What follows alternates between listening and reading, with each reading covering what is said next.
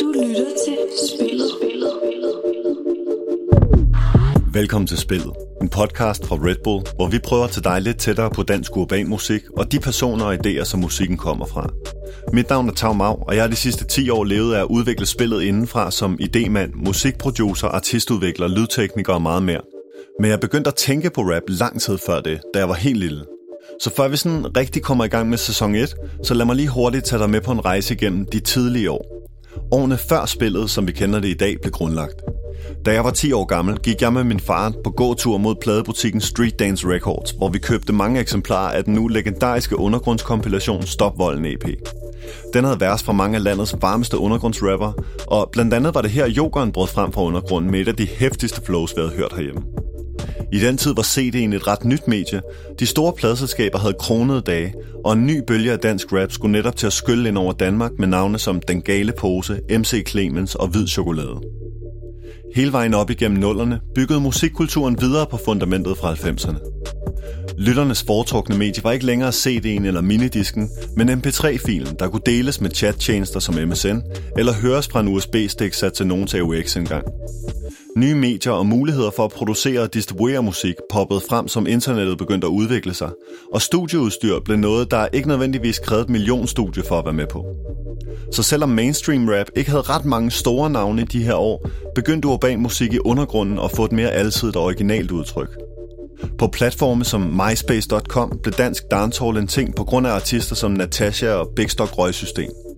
Og i YouTubes tidlige år kunne man følge dansk gaderaps spæde start, da Eliten og MFS begyndte at dokumentere deres livsstil i miljøet omkring Christiania i København på deres direkte og hårdt slående tracks. Også danske websider som mymusic.dk gav en mulighed for undergrundsartister til at udgive deres musik og få feedback direkte fra interesserede lyttere. En slags social medie for undergrundsmusik, før vi begyndte at kalde det for sociale medier. Her kunne man for eksempel spotte artister som Too Bad Inc. og Imran, der et halvt år ti senere skulle vise sig at blive toneangivende spillere i spillet under navnene Sivas og Amro. Omkring starten af 10'erne begyndte on-demand musiktjenester som Spotify og sociale medier som Facebook, Instagram og Snapchat at tilbyde lytterne et nyt økosystem at opdage og følge artister og lytte til deres musik i. Produktionen af musikvideoer krævede ikke længere et helt filmhold, og det lavede en grobund for, at artister i undergrunden nu også kunne tilbyde lytteren en visuel måde at forbruge deres musik på. Det er i det her landskab, at spillet, som vi kender det i dag, bliver født. Et spil, hvor artister på få måneder kan gå fra helt ukendte til at blive booket på Nordeuropas største musikfestival. Hvor unge artister laver sange, hvor de snakker om at tjene syv cifre på deres musik. Ikke fordi de har hørt, det er en amerikansk sang, men fordi det rent faktisk kan lade sig gøre i Danmark. Hvor danske artister, der nu vokser op med hele verden i lommen på deres smartphone, kan lade sig inspirere af, måle sig med og samarbejde med artister og producer fra hele verden hvor uafhængige artister kan udgive deres egen musik, uanset hvad den etablerede musikbranche synes om det.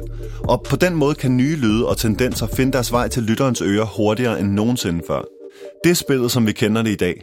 Og i den her første sæson af podcast vil jeg prøve at få dig lidt tættere på nogle af de mennesker, der er med til at definere spillet og dets regler. Det gør vi med en serie af interviews, hvor jeg spørger artisterne ind til deres musik, og hvordan de har kunne lave deres bidrag til spillet. Jeg snakker også med nogle af de vigtigste aktører bag scenen, så du forhåbentlig kan få en lidt dybere indsigt i, hvordan musikken bliver behandlet fra artistens idé og til du hører det på musiktjenesten. Og i vores panelprogram kommer jeg til at sidde og hyggesnakke lidt med et panel af personligheder, for at præsentere dig for lidt af den nyeste musik i spillet, reflektere lidt over tidens tendenser, og måske så krydder vi det med en lille røverhistorie eller en freestyle en gang imellem. Velkommen til spillet.